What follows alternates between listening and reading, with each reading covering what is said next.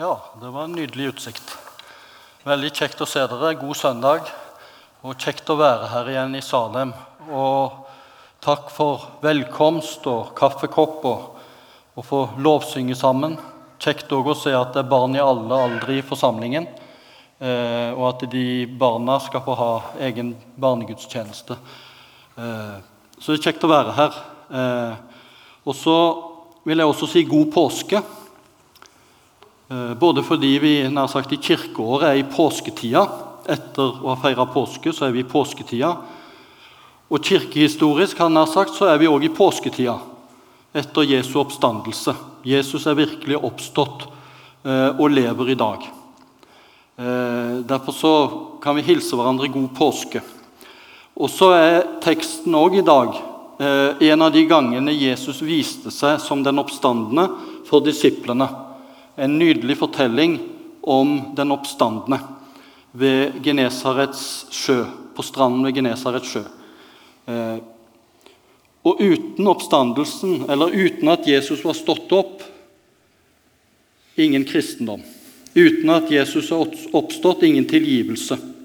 Uten at Jesus er oppstått, heller ikke noe håp. Og heller ikke noe mening å samle sånn som dette. Uten at Jesus var stått opp, eller at jeg ikke trodde at han var stått opp, så kunne jeg gå ned fra talerstolen her og sette meg ned og skrive oppsigelsen. Eh, og levere inn til Kolbjørn Bø. Og så ville jeg anbefalt både Kolbjørn og Misjonssambandet og Kristoffer Inge her å legge ned alt arbeidet. Men nå er Kristus stått opp og lever i dag og er førstegrøden. Og vi skal en dag òg få stå opp. Så det er fantastisk. Og Derfor så er det veldig stor glede for meg å stå her og fortelle de gode nyhetene om den oppstandende denne formiddagen. Det er tre ordpar som har kretsa rundt meg når jeg har sittet og forberedt meg og jobba med og lytta meg inn i dagens tekst og i kapitlene rundt. Eh, og Det er gjenkjennelse og overraskelse, eller gjenkjennelse og overrumpling. Og så er det elsket og elske. Og så er det fisker og gjeter. Ja, og så har jeg en fjerde. Eh, lidelse og oppstandelseskraft. Men det brøyt liksom den flotte trepunktstalen. Men, men sånn er jo også livet og tjenesten. Den passer ikke, og går ikke opp i en trepunktslinje eller i et flott regnestykke som kan settes to streker under svaret. Livene våre er mer sammensatte og komplekse også for oss. Men disse tingene har iallfall kretset eh, når jeg har prøvd å lytte meg inn i denne teksten. Og Nå skal vi øyeblikk lese denne maleriske, nydelige fortellingen. Men først vil jeg be, eh, og da vil jeg be en gammel bønn fra 300-tallet som har levd i meg det siste halvåret minst. Og jeg ber den jeg sagt nesten hver dag. Og Da ser jeg også for meg mennesker, helt konkrete ansikter. Mennesker som kjemper, som er i nød, som er bundne, som trenger å møte den oppstandende. Og Så er du kanskje her og ser også for deg en del mennesker som kjemper og har det vanskelig. Eller du selv er en av de som kjenner på det. Og så kan du legge deg i denne bønnen. Jeg vil be den rolig og, og, og sakte. Herre, ditt navn er det første av alt som er. I ditt navn har vi håp. Åpne våre øyne så vi kan kjenne deg, du som er den høyeste av alt som er høyt, den helligste av alt som er hellig. Hjelp dem som kjemper, vær nær de ensomme. Reis opp de falne. Stå hos dem som er i nød. Helbred de syke. Led tilbake de bortkomne. Gi mat til de sultne. Sett fri de bundne. Løft opp de svake. Trøst de redde. Ja, Herre Jesus, jeg takker deg for at du er stått opp og lever. La oss i formiddag få kjenne deg og kraften av din oppstandelse og samfunnet med dine lidelser. Amen. Johannes 21 og versene 1-14. Siden åpenbarte Jesus seg igjen for disiplene ved Tiberiasjøen, og han åpenbarte seg da på denne måten. Simon Peter, Thomas som ble kalt tvilling, Nathanael fra Kana i Galilea og Sebedeus-sønnene og to andre av disiplene hans var sammen. Simon Peter sa til den andre, 'Jeg går av sted for å fiske.' De sier til ham, 'Vi går også med deg.' De gikk av sted og steg i båten, men den natten fikk de ingenting. Da det alt led mot morgen, sto Jesus på stranden, men disiplene visste ikke at det var Jesus. Jesus sier da til dem, 'Barn, dere har vel ikke noe å spise til brødet?' De svarte ham, 'Nei.' Han sa til dem, 'Kast garnet på høyre side av båten, så får dere fisk.' De kastet det da ut, og nå maktet de ikke å trekke det opp, så mye fisk var det. Den disippelen som Jesus elsket, sier da til Peter, 'Det er Herren.' Da Simon Peter hørte at det var Herren, bandt han kappen om seg, for han var naken, og kastet seg i sjøen. Men de andre disiplene kom etter i båten. De var ikke langt fra land, bare omkring 200 alen, og de slepte garnet med fiskene etter seg. Da de var steget på land, så de en kullild der, som det lå fisk på, og brød. Jesus sier til dem, 'Kom hit med noe av fisken dere nå fikk.' Simon Peter gikk da om bord og dro garnet på land. Det var fullt av stor fisk, 153 stykker. Men enda det var så mange, hadde ikke garnet revnet. Jesus sier til dem, 'Kom og få dere morgenmat.' Men ingen av disiplene våget å spørre ham, 'Hvem er du?' For de visste at det var Herren. Jesus kommer og tar brødet og gir dem, og likeså fisken. Dette var tredje gangen Jesus åpenbarte seg for disiplene etter at han var reist opp fra de døde.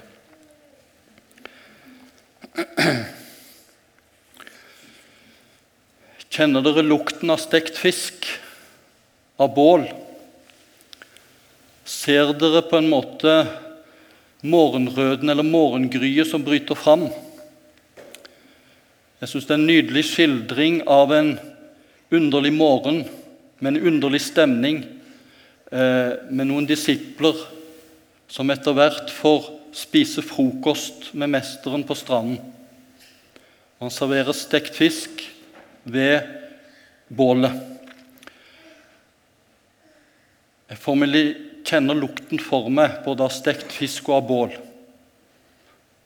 Også tidligere, etter at Jesus var stått opp den første kvelden, så forteller de òg at de undret seg på hva som skjedde når Jesus plutselig sto iblant dem. Og Han viste dem naglene og såret i siden, så, men så spurte han òg har dere noe å spise. Og så ga de han noe stekt fisk og honningkake. Det er noe alminnelig og konkret og nært og sanselig med disse fortellingene fra oppstandelsesmorgenen, men også seinere. For dette var seinere. Og Før en fortsetter litt med denne fine frokosten. Eh, en liten språklig detalj. Her står det på slutten at dette var den tredje gangen Jesus viste seg for disiplene. Til bryllupet så fikk jeg en bok av en eh, god eh, dansk teolog og venn. Jeg oppdaga når jeg slo opp igjen nå i forbindelse med forberedelsene, at den fikk jeg til, til bryllupet. Så det var sånn jeg kom på det. En, en, en Karsten Byrgner som har skrevet en bok om Jesu Kristi oppstandelse. Men som hadde kjempet med tekstene. Han var veldig bibelkritisk i utgangspunktet. kritisk til oppstandelsen og alt. Men så jobbet han intenst med alle disse fortellingene rundt påsken, som virker både litt forvirrende og motsigende osv. Og, og så vokste det fram en større og større tillit til disse forvirrende fortellingene og etter hvert òg til troen på en ufeilbarlig bibel. Men han påpeker at det burde og Nå er ikke jeg språkekspert, så kan være overdommer her, men han mener at det bør stå en tredje gang, ikke den tredje gangen.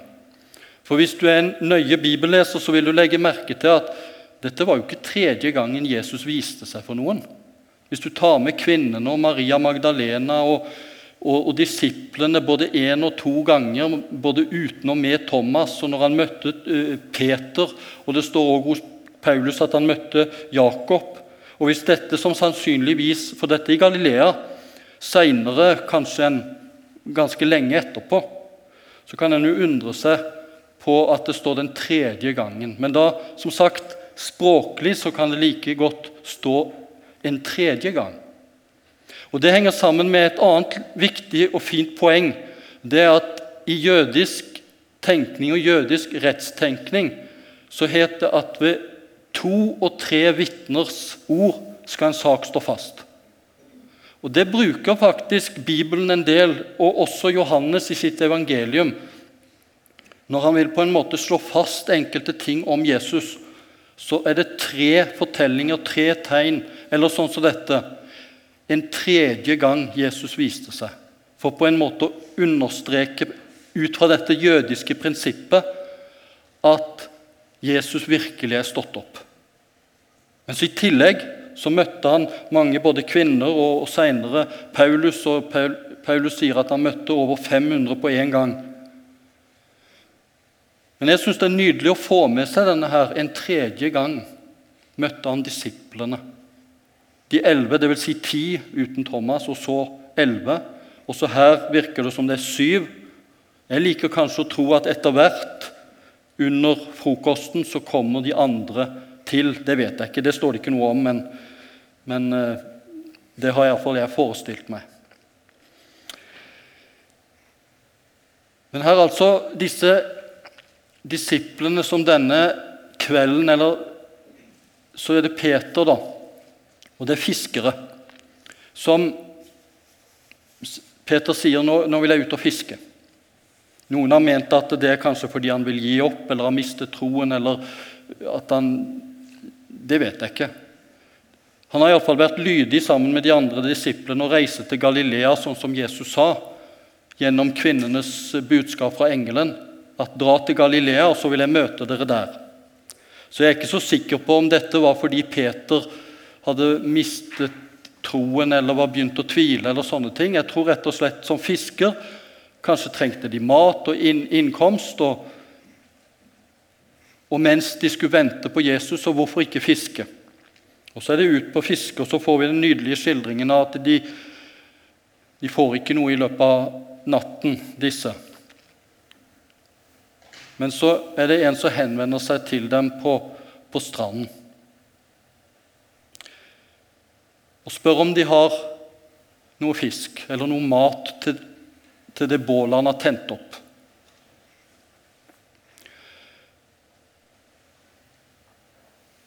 Og så sier han, når han får høre at de har ikke fått noe Kast garnet på høyre side, så skal dere få fisk. Og Da det, virker det som at Johannes opplever et glimt av gjenkjennelse.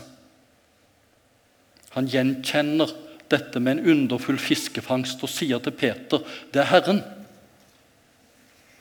Og Peter, som selv var på en måte den som særlig fikk et møte med Jesus under den tidligere fiskefangsten som skildres i Lukas 5 Når han får høre av Johannes det er noe underlig med disse her to i, i eh, oppstandelsesfortellingene.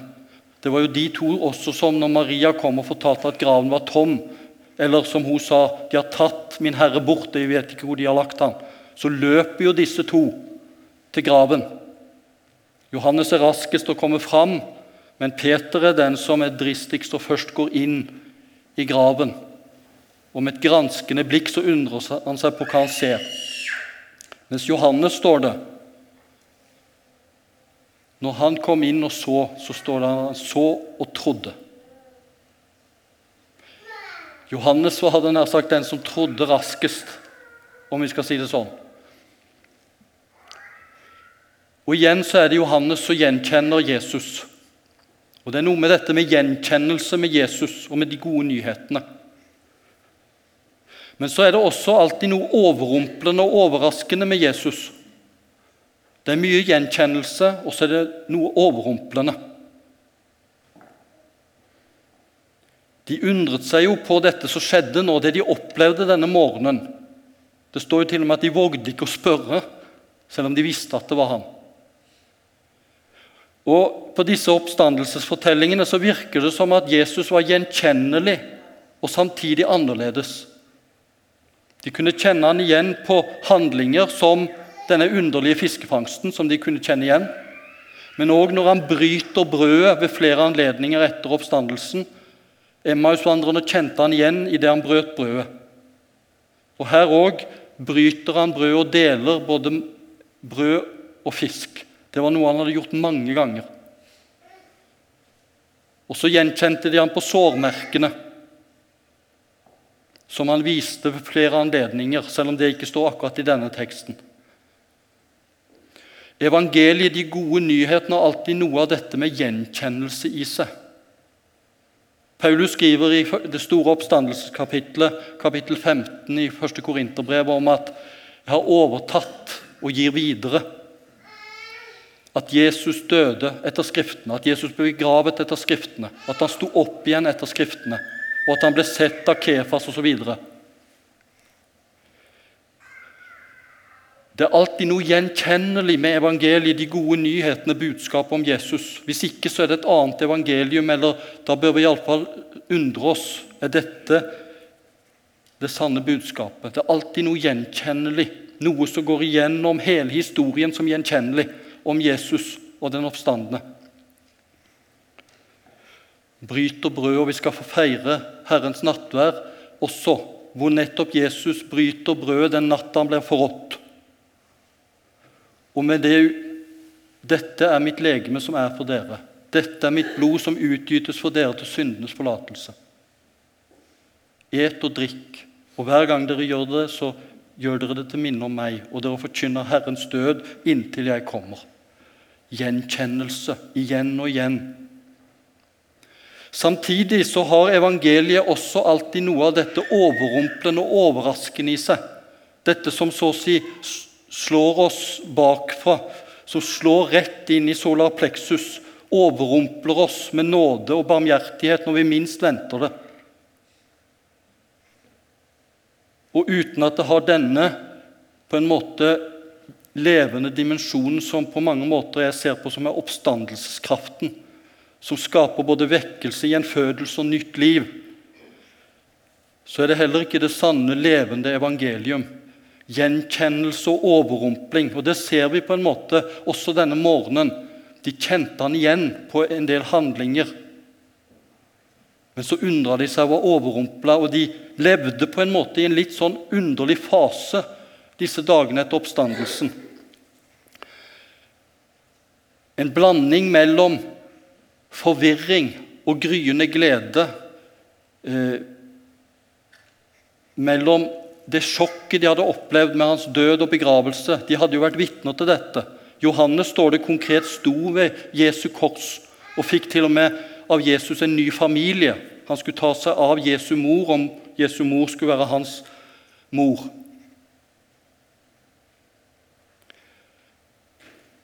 Og så er det en gryende glede på en måte denne morgenen. Jeg hørte for noen år siden Ivar Vegge tale over denne fortellingen. Og Han trakk inn noe av at dette var så overveldende for dem at de hadde vanskelig for å ta det inn over seg.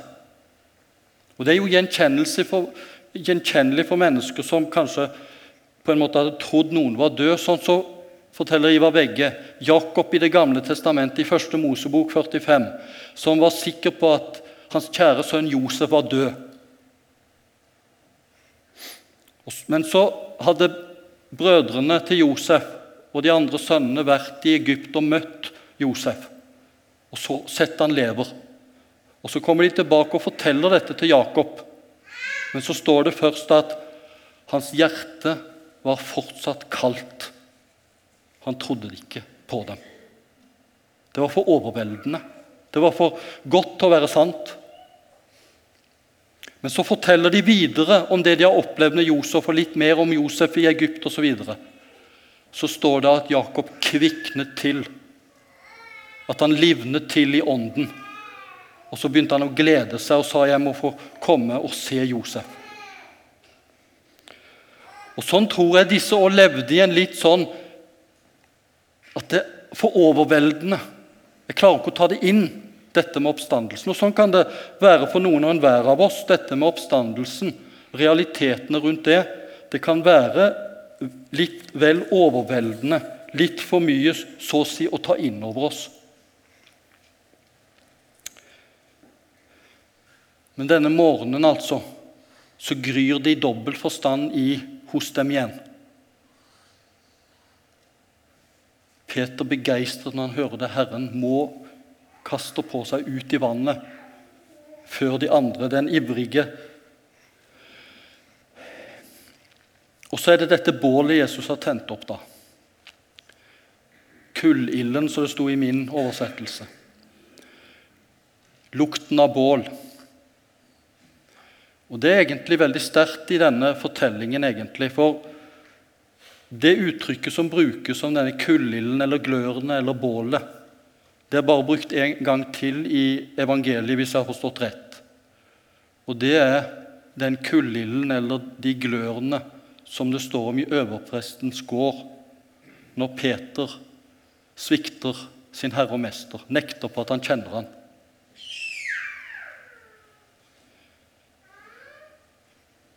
Og Når denne frokosten som vi har lest om, er over, så får vi den berømte samtalen mellom Jesus og Peter hvor Jesus spør Peter tre ganger elsker du meg, har du meg kjær.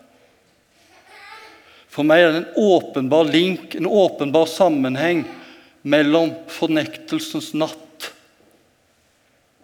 og denne nådens morgen for Peter. Derfor så blir det egentlig litt sånn å lese denne teksten vi har gjort i dag, som å si A uten å si B. Eller som noe som er grusomt for veldig musikalske mennesker, begynner å, å, å eh, spille skalaen uten å spille siste note. Det musikalske får jo frysninger på ryggen og må bort til pianoet og ta siste, siste noten. Og For meg så har det også blitt sånn denne søndagen at jeg kan ikke tale over denne morgenen og denne frokosten uten også å ta med Peter og litt om Peters samtale mot slutten av talen. Men først litt til om denne Johannes. Det er på en måte Johannes og Peter jeg har konsentrert meg om. Vi kunne jo snakket både om Thomas og Nathanael og de to navnløse, men det har vi ikke tid til. Men jeg syns det står så nydelig om, om, om Johannes. Og det er noe underlig med det den Jesus elsket. Og Vi forstår på slutten av dette kapitlet at det er han som skriver evangeliet, som skriver dette. Johannes, den som Jesus elsket. Det står òg i Johannes 13 i forbindelse med fotvaskingen og måltidet skjærtorsdagsnatt. Og det står i forbindelse med når han står ved korset sammen med Maria, Jesu mor han Jesus elsket. Hva er dette her for noe? Johannes som skriver evangeliet Er han gullgutten til Jesus? Er han favoritten? Jeg tenkte som så at det er nesten litt som hvis jeg i en skoleklasse liksom, som den flinkeste liksom står fram stolt og glad. 'Jeg er lærerens favoritt. Jeg er gullgutten.' Jeg er... Og vi vet alle hvor lite folk er glad i sånne eh, skole, altså sånne som regner seg selv som favoritten. Er det det Johannes holder på med her? Jeg vet i grunnen ikke svaret, men sammen med andre så har jeg undra meg litt på om For Johannes skriver dette, hvis, vi, hvis det er riktig som mange sier, når han er godt gammel kanskje 80-90 år gammel, i Efesos. Og husker tilbake.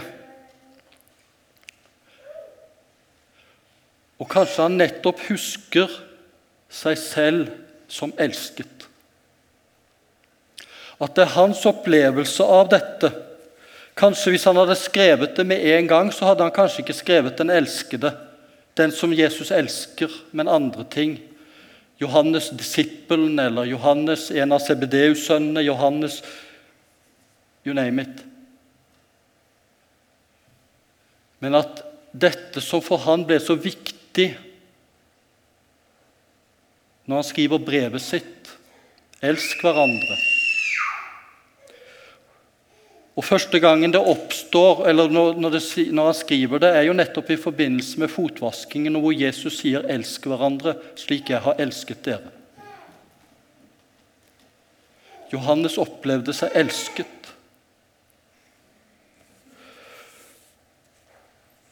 Og Kanskje er det nettopp sånn det må være for oss alle at jeg er den Jesus elsker. Jeg er den Jesus elsket. For meg gir det iallfall ikke helt mening på en måte uten at det ligger noe i dette. Men jeg har ikke svaret. Men jeg, Johannes opplevde seg elsket. Og det er noe helt grunnleggende viktig, ja, det viktigste for meg som menneske, som kristen og i tjenesten, og vite meg elsket. Det fortelles om Gunnar Elstad, som var sjelesørger, og en del kjenner han her. Han ble spurt i et intervju ikke lenge før han døde, om hva han mente var det viktigste for mennesker som kom i sjelesorg. Hva som var viktigst for menneskene. Hva han som erfaren sjelesørger ville si om det. Og han svarte det viktigste for oss er nok å vite at det er noen som er glad i meg. Johannes opplevde seg elsket. Og så skriver han evangeliet og kan ikke la være å omtale seg som den disippelen som Jesus elsket. For meg er det iallfall nydelig. Og så hørte jeg en svensk forkynner som snakket om det kjærlige blikket til Jesus, som Johannes hadde erfart. Og så snakker hun om at dette blikket, det er et blikk å lande i. Jeg syns det var et nydelig uttrykk. Smak litt på det et blikk å lande i. Jesu kjærlige blikk, Jesu elskende blikk. Han har elsket oss først. Og Da har jeg lyst til også i dag, som jeg har lest det før, her, diktet av Søren Kirkegård. Gud, du har elsket oss først, men vi taler om deg som om du bare hadde elsket oss først en gang i fortiden. I virkeligheten er det dag for dag, hele livet igjennom, at du elsker oss først. Når vi våkner om morgenen og vender vår sjel mot deg, kommer du oss i forkjøpet. Du har elsket oss først. Dersom jeg står opp før daggry og i samme øyeblikk vender min sjel i bønn til deg, da er du allerede der, du har elsket meg først. Når jeg legger bak meg alt som forstyrrer og søker inn i sjelen for å tenke på deg, da er du stadig den første. Forlat oss, Gud, vår utakknemlighet, det er ikke bare én gang at du elsker oss først. Det er i hvert eneste av livets øyeblikk. Det er vidunderlig å være elsket. Det er helt grunnleggende som kristen og i tjenesten, som reisepredikant, som vitne, som deg, som meg. Elsket og elske.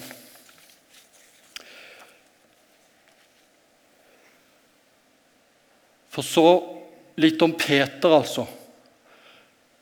Når måltidet var over, så tar Jesus og så samtaler han med, med Peter. 'Elsker du meg mer enn disse?' Du Peter, du Peter. Han ville så mye, og han ville gjøre det på sin måte. Men det gikk stadig galt med Peter. Bare tenk på når han avla den store bekjennelse ved Cesarea. Du er Messias, den levende Guds sønn. Og Så begynner Jesus snakke om at han skal lide og dø. Og Peter sier det må aldri hende det. Peter ville hindre korsveien, og Jesus sier, 'Vik bak meg, Satan'. Eller på Forklarelsens berg så ville han bygge hytter. Han syntes det var så fantastisk å være der. Han ville nær sagt bli værende på det flotte, opphøyde Forklarelsens fjell. Kanskje bygge en slags turisthytter, sånn at en kunne komme tilbake. Eller fotvaskingen. Han ville ikke la mesteren vaske hans føtter først. Og Jesus sier, kan, 'Lar du meg ikke vaske dine føtter, så har du ikke fellesskap med meg.' Og så til sist så står han altså ved bålet, ved glørne, ved kullilden i yppersteprestens gård og fornekter sin elskede Herre og Mester. Svikter alle sine idealer. Svikter alt han trodde på. Og Så vender Jesus seg og ser på han, og så står det at han gikk ut og gråt bittert. Det dype nederlaget smerten, håpløsheten, fortvilelsen. Også denne underlige morgenen etter at de har spist frokost med grillet fisk og brød. Så spør Jesus elsker du meg, Peter, mer enn disse. Og Peter kan nok ikke la være å glemme at han skjærtorsdagsnatt hadde sagt om alle disse andre svikter, så skal ikke jeg svikte deg. Og Så spør han andre gang tredje gang Peter blir bedrøvet. Disse spørsmålene blir som en skingrende hanegal i ørene hans. Men han vet på dypet, for han hadde møtt Mesteren etter oppstandelsen, erfart hans tilgivelse, og han visste på dypet jeg kan ikke klare meg uten deg, Jesus. Jeg elsker deg. Du vet jeg har deg kjær, men du aner det ikke den selvsikre, overmodige lenger.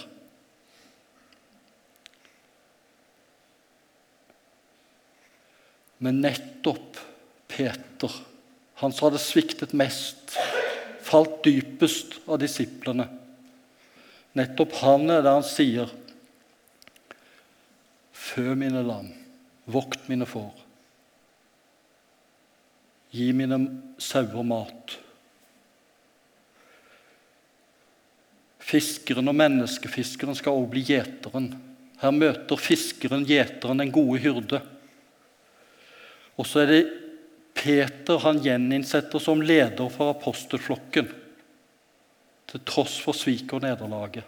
Eller kanskje fordi jeg aner jeg begynner å kjenne Jesus bedre og bedre, kanskje nettopp fordi han hadde sviktet. En har sagt at den kristne tro begynner der mange tror den slutter. I håpløsheten, i fortvilelsen, i nederlaget. Der ser vi kanskje Jesus klarest. Og Jesus han har valgt nettopp å bruke en Peter som hadde sviktet, som hadde erfaring med synd og nederlag, men som òg hadde erfaring med Jesu tilgivelse og oppreisning og gjenopprettelse. Elsket og å elske. Elsker du meg mer enn disse? Gud bruker det som er i stykker. Jorden må brytes for å gi avling. Skyene sprekker når det gir regn. Hvetekornet knuses for å gi brød. Brødet brytes for å gi kraft. Det er den i, i stykker slåtte alabastkrukken som lukter parfyme. Det er Peter som gråter bittert, som får det største oppdraget.